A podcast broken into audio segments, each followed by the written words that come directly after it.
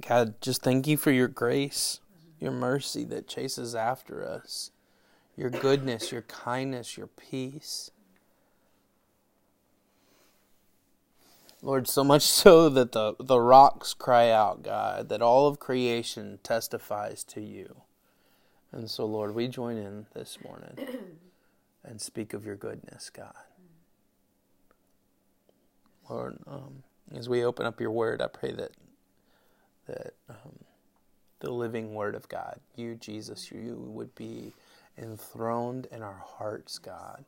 Lord, we ask for a new anointing, a new um, favor, a new, um, just a new revival in our spirits, God. Refresh and, and take us to new places, Lord. And Jesus, once again, we love you. In Jesus' name, amen. I'm not getting on the stool. really close to you I know. I'm not. I'm not gonna get on the stool. Um, well, hopefully, um, you guys are doing going through the the reading with us. Uh, I keep finding the moments that I'm like, good grief, why are they taking four chapters to explain who owns what territory? You know that just happens sometimes. Um, but please, I encourage you, especially as we get into Mother's Day. Mother's Day, um, we're going to go back to 10 o'clock, and um, I'm just going to rotate between the two houses. And so sometimes we'll have other, te- other people to teach here, but most of the time we'll just read through the passage that we read that morning together, and then we'll just kind of ask questions of one another, encourage one another in faith after we do that, and kind of just early church style talk about the things of God together and encourage one another in the faith with that. So um, we'll do that along with the teaching. It'll just rotate back and forth. But if you have your Bibles, um, please turn to Joshua 6. Um, this is one of those. Uh, every time I hear someone teach this, or anytime I teach this, it's like the Lord illuminates something new. It's like the the vibrancy of Scripture, the richness of Scripture, always seems to like penetrate so deeply. Like uh, y'all, I, I I just can't even comprehend. I don't know when the first time I heard Joshua and the Battle of Jericho. What we used to say. Fit. Yeah, I yeah. Joshua. why. We used to say Joshua fit the Battle of Jericho. was song. That was like the song. Uh, and I was I, I thought about that this morning. Like, what he fit? Fought. Fought it. Fought it. Fight. Right. That's a, that's a Right. past tense of fight. Yeah. Instead of fighted, He fit. he fit. Yeah, that makes sense. Just good. like moose and Mises, right? Um, because you need it as a- Yeah, you do. Yeah. And so, anyways, I um, I I, I love this passage, um, and I've taught the, taught this before, but I want to um, encourage you this morning through Joshua six. Um, and as I say that, I'm going to ask you maybe a little bit of a dark question. What's the thing? Anne says this. We say this in our marriage a lot. Like, say the thing. What What is it? You know, you know, like somebody's just being grouchy with somebody or something. Like, what's going on? Like, let's get let's get the thing out. Pull out the dirty laundry. Let's sit down and we'll talk about it. Right? Um, and just in your mind's eye for a moment, what's the thing that's going on in your own heart? What's what's the season? What's the trial? What's the thing? Another way to say this, what's something you would quit right now if you had an opportunity to? Right? Think about it that way. Like, um, okay, God, I'm ready for this thing to stop. Um, the uh, I'm going to use uh, this is nowhere in comparison to anything real, but uh, just because when we I, when I talk about real things, sometimes we're like, "Are you talking about me?" Or, um, uh, I, the Holy Spirit does that too often, and people I wonder like I, I'm an idiot. And all of a sudden, hey, you kind of talking to me today? What's going on? Um, yesterday we bought the new disc swing, and yesterday I shared with some of you. Um, bef- right, of course, right before the birthday party, uh, Finley's birthday party. Finley, who weighs next to nothing, and me, who weighs way too much, she's on the front, and I was on the back, and I was like cranking on it to swing, and she, I mean, we're going like eight feet, kind of like the, I think your two boys and my son were on it a second ago, and Trinity, I think, was freaking out a little bit, like, holy smokes, this is going way too fast, and so um, it, it's getting almost perpendicular to the ground, and um, she's lo- I mean she's just cackling, right? And her hair's blowing like one of those moments that I'll always remember if I just could erase the last few moments. Um, but but I thought I'll shift a little bit and even crank it even more. And when I shifted my feet to the back of the swing, all the weight shifted and that thing went from the 90 all the way upside down. And so now Finley, we're eight feet up, and Finley's falling back. And if I just kind of stand up and try to catch myself, she's going to land behind me. So I pulled on the ropes as I was falling and caught her on my chest, and then we both went to the ground together. Um, I, I melted my skin on my hands with the rope. I could quit the pain that's going on in my hands right now, right? Right? I would quit that in a moment. I would quit it in a second just because, you know, that like raw skin, like it's the worst. Even you're like, stop talking about it, right? right? Like it's just the worst thing. Times that to a hundred. What's the thing that if you could quit, what would you quit right now? And in that, think about it this way many start, few finish. The Israelites could quit the wilderness. And Moses dies. Joshua takes them across the Jordan. And the first thing they get to deal with, the land flowing with milk and honey, is not flowing with milk and honey right away. It's flowing with a fortress called Jericho. Seriously, God, we just went 40 years into the first thing in the promised land. We want to quit this. Think about it for a moment. What keeps us from finishing? I'm grateful for the way that God's made my body to where my skin is healing. My skin won't be fine. Now, Clayton and I were talking this morning. That's the worst part is what what the new Skin stuff. You like spray that stuff on and it stings so bad, but man, it makes it work, right? Feels so good kind of thing. Or hurts so good kind of thing. The the idea is this. What stops you from finishing? Driven, not driven. I'm not talking personality wise. Mm-hmm. I'm talking in the context of why can't we stop? What is it that God's calling us to finish? Israel stepped into the promised land, but they're not done. After 40 years of God preparing them for what He had prepared for them, they step into battle after battle after battle. And that's Joshua 6. So in Joshua 6, verse 1, it says this Joshua 6 1 says, Now Jericho was shut up inside and out because the people of Israel because the people of Israel did what? Did your your passage doesn't keep going. Your, the sentence ends with that. Now Jericho was shut up inside and out because the people of Israel. Period. None went out, none came in. And the Lord said to Joshua, See, I've given Jericho into your hand with its king and its mighty men of valor. I'm going to stop right there. Perspective keeps us from finishing. Our perspective keeps us from finishing. We worry what's behind the wall, don't we? Like, like walk up, see this mighty fortress, and God's saying, what did God say? God's saying, see. He's saying, look with your eyes. I have given you Jericho. But if I walk up to this mighty fortress, what am I thinking? This is this is going to be a doozy. This is going to be a big deal. We worry what's behind the wall rather than thinking about the purpose of the wall.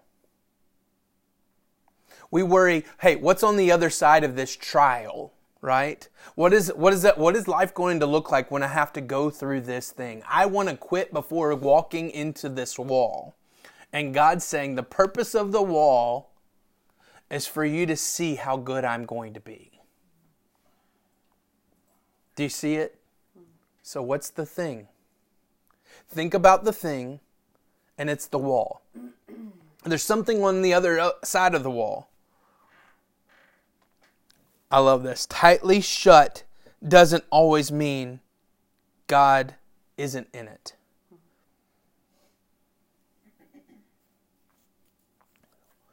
Think about it. It's tightly shut inside and out. They've not just raised the drawbridge or whatever it is. They're scared. The Bible says in that very first verse, it was shut up inside and out because the people of Israel. In the passage before, they talk to Rahab and they interact with Rahab. The spies go into Jericho to figure it out, and they say, We've heard about you guys. And they, the first thing she says is the circumcision. Like, okay, yeah, that's weird. We're scared. We, we don't want to have anything to do with you. But then it, she says, and the things your God did in Israel or in Egypt. God's name goes before me and behind me so that the wall that I encounter is more afraid of me than I am of it. Finley Grace Mullins is terrified of any bug whatsoever. Like blood curdling scream, she's just ripped all the skin off her body. Nope, it's just a little ladybug in the living room. And I always tell her, Finley, are you little girl or are you a big girl? Of course, she's four years old. I'm a big girl. Are you bigger than that thing? Yes. Stomp it. Like, like, come on, let's go, right? And our Heavenly Father tells us that see that Jericho is, is ripe for the taking. Mm-hmm. The Bible says in another passage, like bread. Your enemies are ready to be taken like bread. What is bread? Does it naturally happen? No. The Lord Himself has to make it, prepare it, and then you can just consume it. The things that God was doing in the wilderness with the nation of Israel was setting it up so that the people of Jericho would be afraid of them before they stepped across the promised land. The enemy always erects walls in front of God's promises. He always does. Watch. When fear is present, my perspective is wrong. When fear is present, I'm afraid of this thing, then my perspective is wrong. And God says, See, this Jericho is ripe for the taking. What are you supposed to do when what you see doesn't look like anything God said? God's saying, See, look, I'm giving you Jericho. And I'm going, No, you're not. Like, I'm looking at the same thing you're talking about, God. And no, you're not. It's, it's all wrapped up. It's tight. It's a fortress. What are you talking about? You've already given. And God's talking in the, not just in the future tense, He's talking in the present tense. See, I've already given you Jericho. Please, if you remember something today, remember this. Encountering God always lifts your perspective above the enemy's walls. If I sit down with the Father this morning, what is He going to do? He's going to lift my perspective above the thing, right? Whatever the thing is, whatever the wall is, He's going to say, See, I've already given it to you. Ryan, aren't you a big boy? Go squash it, right? How big a boy are you, right? Like, like that context. Like, God is always going to lift my perspective above where I'm focused on that thing. Perspective keeps us from finishing. Sometimes, in order to be victorious, you have to do the ridiculous. You done that before? I have. Okay. This is a fortress filled with people who can fight, who are watching us approach, and they've locked every door. God, let's just move on. Our perspective keeps us from finishing. But then watch this. Progress keeps us from finishing. Verse 3. You shall march around the city, all the men of war going around the city at once. Thus you shall do this for six days. Seven priests shall bear seven trumpets of ram horns before the ark. On the seventh day you shall march around the city seven times, and the priests shall blow the trumpets. And when they make a long blast with the ram's horn, when you hear the sound of the trumpet, then all the people will shout, shall shout with a great shout, and the wall of the city will fall flat, and the people shall go up, everyone straight before them, before him. So that's what God says to Joshua. Now watch. So Joshua, son of Nun, called the priest and said to them, Take up the ark. Let the seven priests bear the seven trumpets uh, of ram's horns before the ark of the Lord. And he said to the people, Go forward and march around the city. Let armed men pass before uh, pass on before the ark of the Lord. And just as Joshua commanded the people, the seven priests bearing seven trumpets of ram's horns before the Lord went forward, blowing trumpets with the ark of the covenant of the Lord following them. The armed men were walking before the priests who were blowing the trumpets, and the rear guard was walking after the ark while the trumpets blew con- continually. But then listen they're mounting and marching. But Joshua commanded the people You shall not shout or make your voice heard, neither shall any word go out of your mouth until the day I tell you to shout, then you shall shout. So he caused the ark of the Lord to circle the city, going around at once, and they came into the camp and spent the night in the camp. Let me stop there for a second.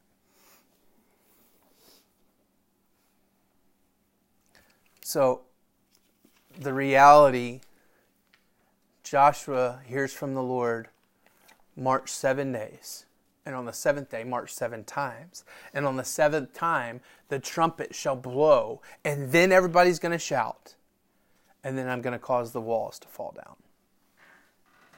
But Joshua turns to the people. What's he tell them? He says, March.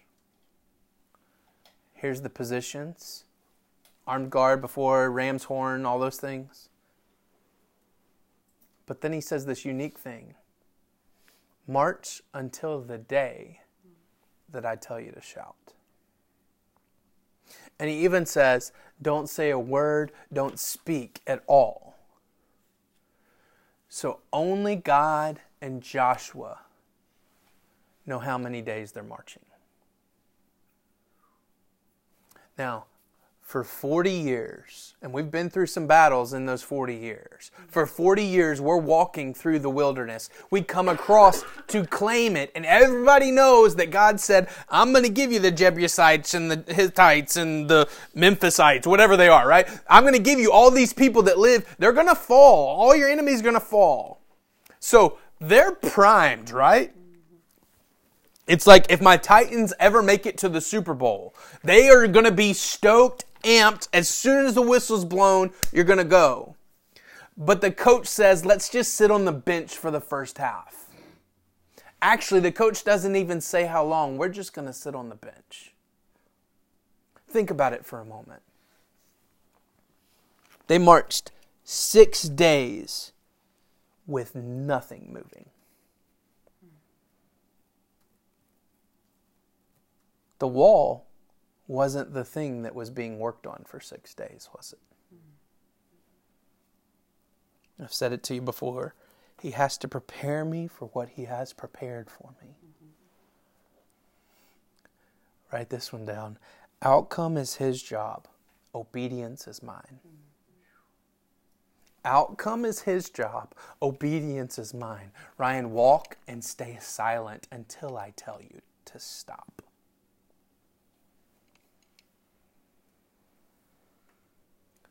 So, what does it look like? I'm in guard for the Ark of the Covenant. Think about it. I'm a guard for the Ark of the an armed guard for the Ark of the Covenant. I get home to the tent that night and my son comes up and says, "Dad, what'd you do today?" Um, we walked. Were y'all planning? What were you talking about? Oh no, we didn't say anything. Day two, I get up, and we know because of historical context, the process of putting on the armor, they would have to have armor bearers and all that stuff. The armed guard putting everything on takes time. Walk again. Sure, I'm looking up at this thing thinking we're about to fight, but I'm just walking. Hey, Dad, what did you do today? Same thing. Day four, day five. I, am I tightening my belt on day five? Like, am, am, am, it, do I need to grab my sword? Think about it. How many times have you been there going, right? Do I really need to spend time with him today? Because this is the same old, same old.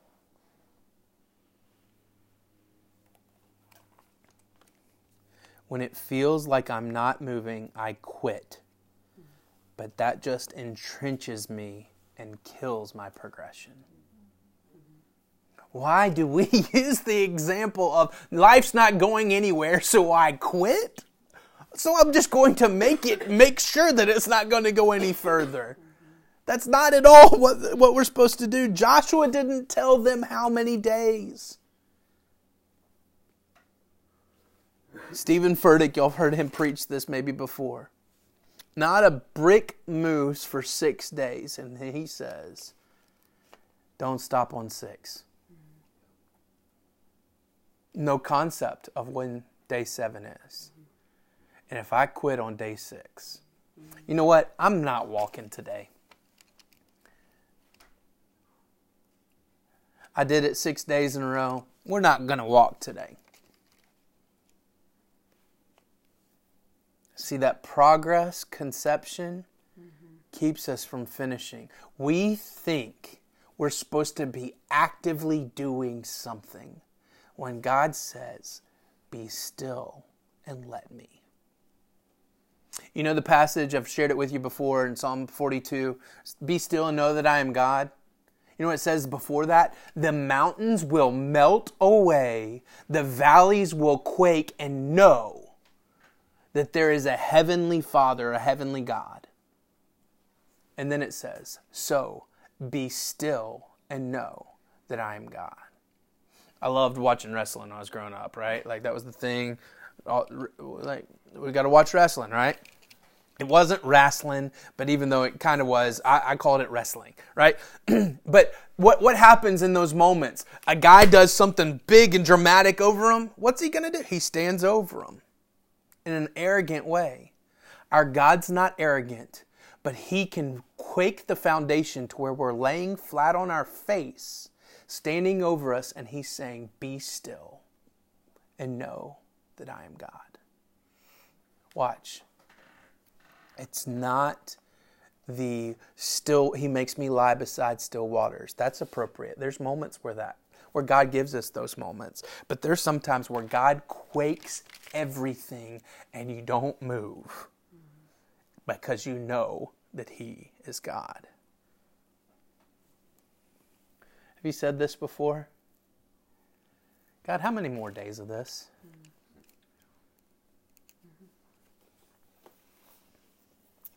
Joshua knew. The armed guards didn't know. The trumpet blowers didn't know. Are we going to just walk? People have justified. They think that it's a, it's about four miles around Jericho from what we know of, of the construction of it and everything like that. If it was at the largest state of when they built Jericho, it's about four miles. What's the what are we doing today? We're walking around this for about 45 minutes an hour. We're going to march. And then we're going to sit down. It's a failure. From our perspective, this progress is failure. Hey, listen to me. If I can justify my life in an earthly progression, it's not really appropriately working in a spiritual realm. Mm-hmm. But when an earthly possession, progression concept scratches his head when looking at Ryan Mullins' life, going, I see spiritual growth, but really, Ryan, what are you doing? I'm just uh, walking with the Father, listening to Him. I don't want to stop on day six. I've had enough, God. I'm going to quit. And then miss the promise of what's going to happen on day seven. Process keeps us from finishing as well. Verse 15. well, I skipped a couple. Uh, back up to uh, 12. Joshua rose early in the morning, and the priests took up the ark of the Lord. And the seven priests, bearing the seven trumpets, the ram's horn, and the ark of the Lord, walked on, and they blew the trumpets continually. And the armed men were walking before them, and the rear guard walking after them, the ark of the Lord, while the trumpets blew continually. And the second day, and they marched around the city once. And they returned to the camp, and they did this for six days. Verse 15. On the seventh day, they rose early at the dawn of day. They marched around the city in the same manner seven times, though. It was only on that day that they marched around the city seven times. And at the seventh time, when the priest had blown the trumpets, Joshua said to the people, Shout, for the Lord has given you the city. Shout, for the Lord has given you the city. Think of that. Process keeps us from finishing. Why did God not knock it down on the first lap? Once inside the promise, we need to know who God is there. If I think that I've stepped into things because I've done things, it, I think it's my shout. Hey, I even thought this when I was little. Maybe you still think this. What really knocked down the walls of Jericho? Did you know Mythbusters actually did this? Remember the show Mythbusters? They tried to see if a voice or a whole bunch of noise could shake walls down. God doesn't need my voice. Mm-hmm. It's not my voice. It's not my skill. Hey, they only do this one time. What happens from there on out? They have hand to hand combat that the Lord gives victory to all of them. They are participating in full fledged, doing the thing that the armed guard is supposed to do for the next few battles. But Jericho's different. Why? Because God wants to say, not by my skill, not by my might, not by my strength, not by my shout.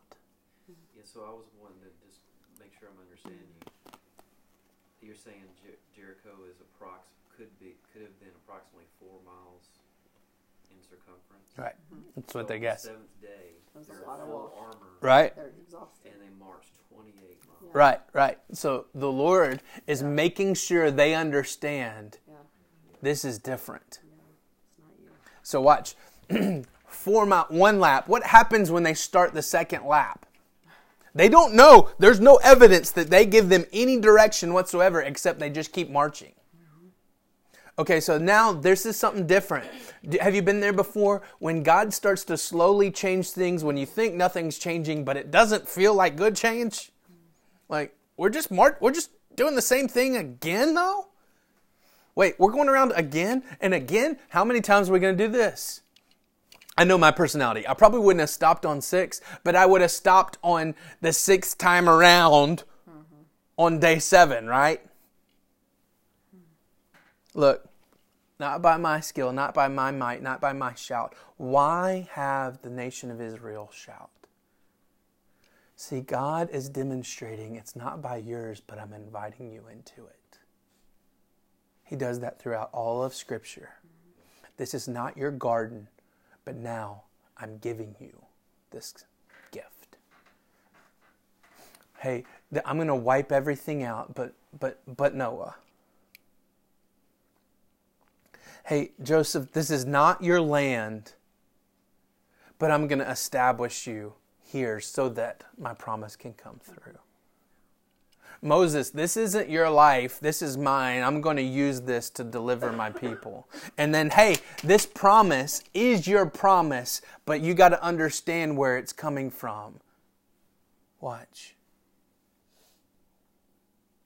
God invites us in.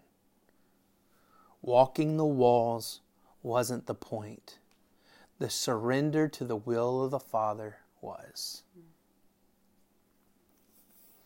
Don't let difficulty, don't let the difficulty of God's process today cause you to think about, think his promise won't come tomorrow. Let me say that again. Don't let the difficulty of God's process today cause you to think that his promise won't come tomorrow. So many times I look at the wall in front of me and don't remember the promise behind it. I love this. I wrote this down. I don't watch NASCAR, but on the last lap, they wave a white flag, knowing, letting people know there's one lap to go. That didn't happen here. Mm-hmm. What's God's point? We're supposed to act by faith that every lap mm-hmm. is the last. I'm supposed to keep marching until the Father says, Shout. How victorious was that shout? I love this. The number of man is six, God's number is seven. The idea of perfection is seven. God didn't just knock the walls over, He said, shout. Hey, there's a day coming where He's going to say, shout. The thing that we started thinking about just a few moments ago, there's a day coming where God's going to say, okay, now shout. You're ready. This is going to take place. And you know what happens when we shout? It's not by our shout, it's a shout of praise to the Lord. And the Bible says this the walls fell to where the point where everyone had been who had been marching could walk straight in. I don't know what kind of supernatural thing happened, but literally the walls came down to where every person walked straight in, not having being in, uh, uh, encumbered by any type of rubble. They walked straight in. God makes straight paths for us. He clears ways and He gets us to the point where we get to shout right before it.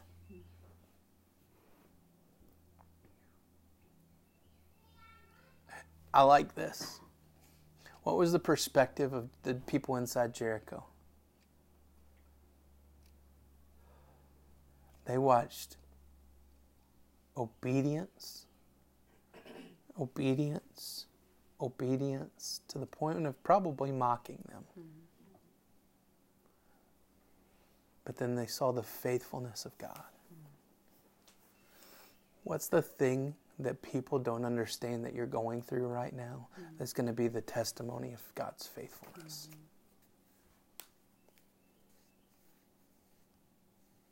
What's keeping us from finishing? It's not ours to finish. Mm-hmm. We're just called to walk in obedience. Sometimes it feels like we're walking in circles, and God says, Yep, that's the point. Mm-hmm. God desires just for me to get up and walk in the circle that He's called me to walk in. Mm-hmm. And sure, I've got plenty of times when He said, Okay, Ryan, now stop and shout. And now shout, does the miracle. Mm-hmm. And guess what? Next morning, hey, Ryan, there's a new circle to start walking in. Let me pray for us. God, you are so good, so faithful, so true, to where we feel like we're walking in circles, and ultimately you are rending and purifying and giving us authority over things that we don't even understand. So, Lord, I pray right now over this family, this sweet family, God, that you've given us. Mm-hmm. Lord, we ask for obedience, faithfulness that's beyond us, Lord. To be able to put on armor for a battle that we will never need to fight just because you've told us to. To be able to walk in silence for a battle that soon you'll tell us to shout. God, we establish new direction, new authority, and new promise over every household. Jesus, we love you in Jesus' name. Amen.